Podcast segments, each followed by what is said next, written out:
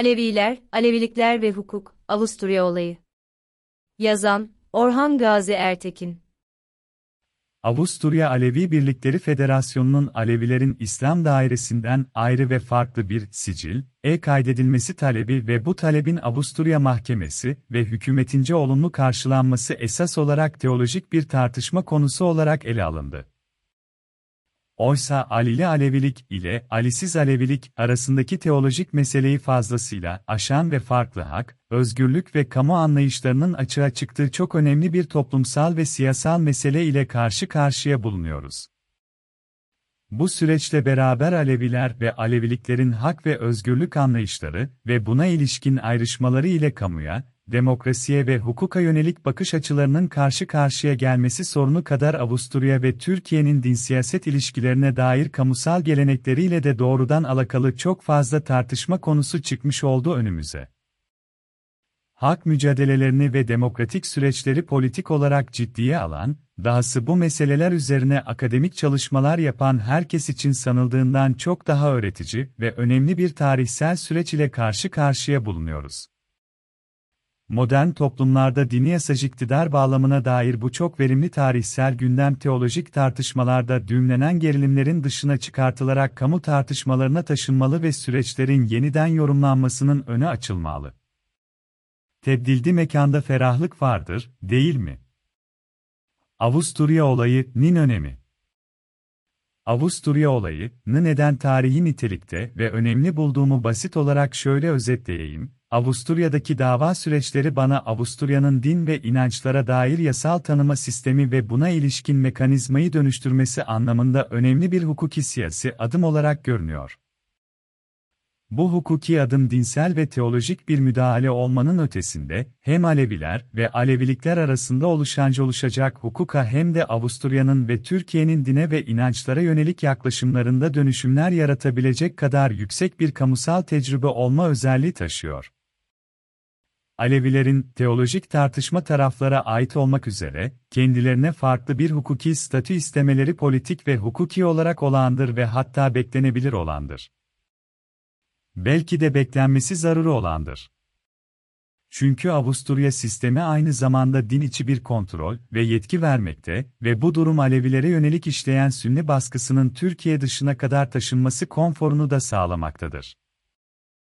Tam da bu nedenle federasyonun bu talebi ve verilen karar Sünniliğin Türkiye'deki nobranlığının uluslararası alandaki yayılması ve etki göstermesi tehlikesine karşı duran bir biçim ve içeriktedir. Dahası, bu bir teolojik tartışmanın sonuçlandırılması değil fakat yeni bir hukuki statünün kurulmasıdır. Hadi daha açık ve net iddia edeyim, Avusturya olayı, Alevilerin hukuken ve siyaseten özgürleşme adımlarındaki önemli bir geçittir. Teolojik bahis ise kuşkusuz Alevilikleri ilgilendirir. Aleviliğin kendine özgü bir inanç olduğu tezi, bütün diğer dinsel ve inançsal ayrım iddialarında olduğu gibi, hukuken ve siyaseten bir özgürleşme adımıdır. Çünkü tarihsel düzlemde yeni ve kurucu bir hukuk önermesi anlamına gelmektedir aynı zamanda bu durum. Yani Alevi'nin kendi içindekilere ve başkaları, navaat ettiği hukuk ve kamu tecrübesi örülmektedir burada.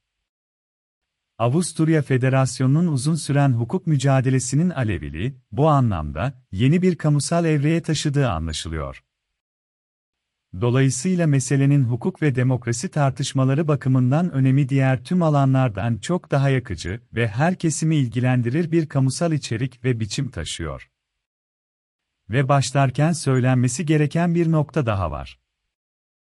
Konuya doğrudan girmeden önce şu uyarıyı da yapmam gerekiyor, Alili ve Alisiz Aleviliklere dair teolojik tartışma ve taraf olmak sorunu bir agnostik olarak bu satırların yazarının haddini aşacak niteliktedir. Bu nedenle kendisini hak, özgürlük, hukuk ve kamu tartışmasıyla sınırlı tutacaktır. Sorunun üç boyutu Bu sürecin kuşkusuz üç farklı boyutu var ve her üç boyutunda hukuk-siyaset ilişkileri, kamu ve hak anlayışları bakımından değerlendirilmesi önemli bir ihtiyaç. Birincisi Avusturya Diyanet Sistemi, Nin Aleviler ile ilişkisi sorunuyla alakalıdır. İkinci önemli nokta Alevilerle Türkiye Diyanet sistemi arasındaki ilişki sorunudur ve son olarak ise Aleviler ve Aleviliklerin birbirleriyle ilişkisi ve hukuk sorunudur.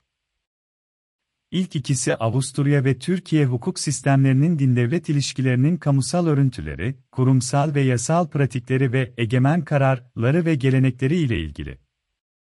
Sonuncusu ise Alevilikler içindeki farklı kamu anlayışları ile alakalı. En basit olarak buradaki konu Alevilerin ve Aleviliklerin kamusal potansiyellerinin ve eylemlerinin demokratik hak tartışmalarındaki yeri ile Avusturya'nın ve Türkiye'nin hak yaratma kapasiteleri ve eylemlilikleri ile ilgili bir tartışmadır.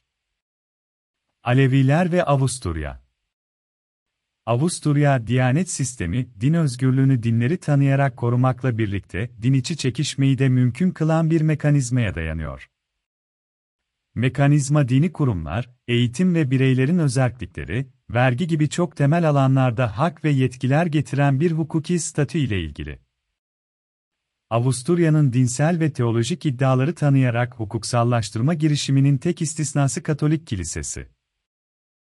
Bu istisna İslam yasası da dahil diğer tanıma yasalarının eklemlendiği, kurucu, bir tarihsel temele işaret ediyor.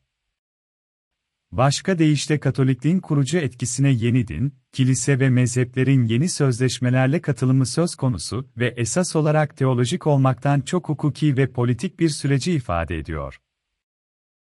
Bir başka biçimde anlatılırsa Avusturya'daki Diyanet sistemi Katolikliğin tarihsel bir gerçek olduğu, bunun dışındakilerin ise ancak hukuken tanınarak varlık ve ruhsat kazanacağı anlayışına dayalı olarak kurulmuştur yani Sünni temelli din anlayışının resmileştirildiği Türkiye Diyanet sisteminden oldukça farklıdır. Dahası farklılık demokratik yönde biraz daha fazlasıdır. Avusturya sisteminde Katolikliğin adı anılmadan onun dışındaki inançlar ve dinler resmi olarak tanınırken Türkiye sistemi Sünni yaklaşım dışındakilerin adının anılmadığı bir biçimde resmileştirilmiştir. Benzerlik ise her iki sistemde dinin ve dinlerin tek ve bütünlüklü bir temsilini ve kontrolünü öngörmesidir. Avusturya sistemi çoğul bir yapıda bir kamu alanı üzerinden bunu yaparken Türkiye sistemi ise açık bir baskı ile kontrolü eşleştirmektedir. Alevi Federasyonu'nun Avusturya'daki mücadelesi işte bu sistem içinde ortaya çıkan din içi hak sınırlamaları ve özelliklerin tanınmasına dönük olarak gelişmiş ve Avusturya, Diyanet sistemi,'nin yeni hak iddialarına karşı daha açık bir tutum alma ihtimali bakımından önemli bir tecrübe olmuştur.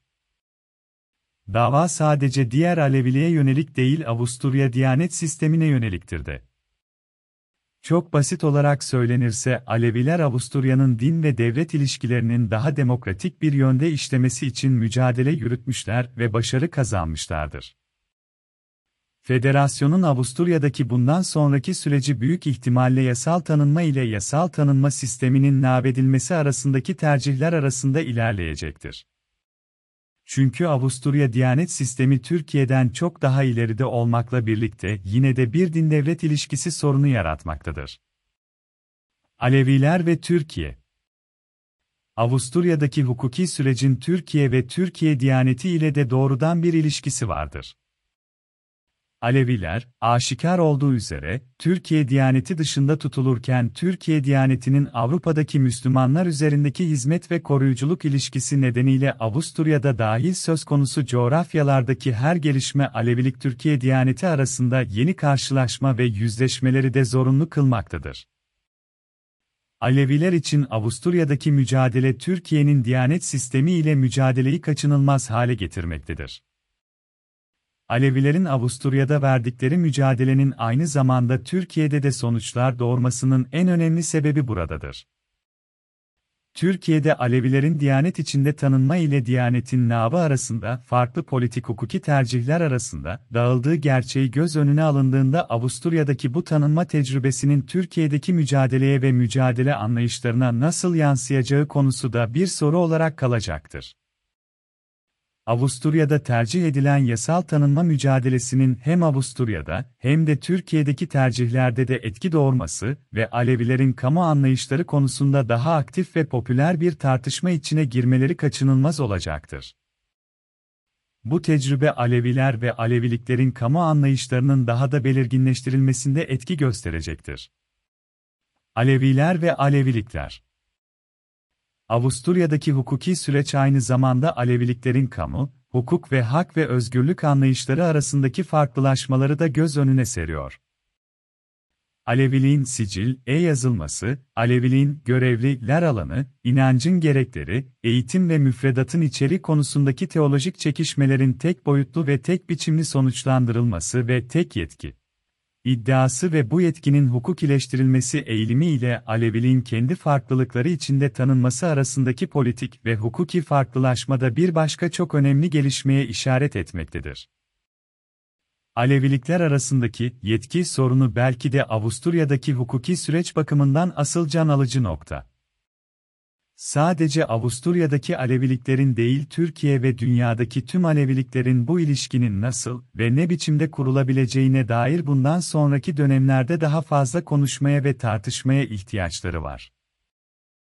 Avusturya olayı bu ihtiyacın ne kadar acil olduğunu da ortaya koyuyor. Sonuç olarak, Avusturya olayı, her bakımdan uzun uzun değerlendirilmesi ve tartışılması gereken sonuçlar içeriyor. Bu yazı şimdilik bu boyutların hatırlatılması için yazılmıştır ve belki de Alevilikler arası ilişkiler ve hukukun artık daha önemli bir mesele haline getirilmesi için bir çare olarak da ele alınabilir. Özgürleşme adımlarının devamı ve derinleştirilmesi ve tabii ki başka inanç alanları ve politik coğrafyalara ilham vermesi dileğiyle.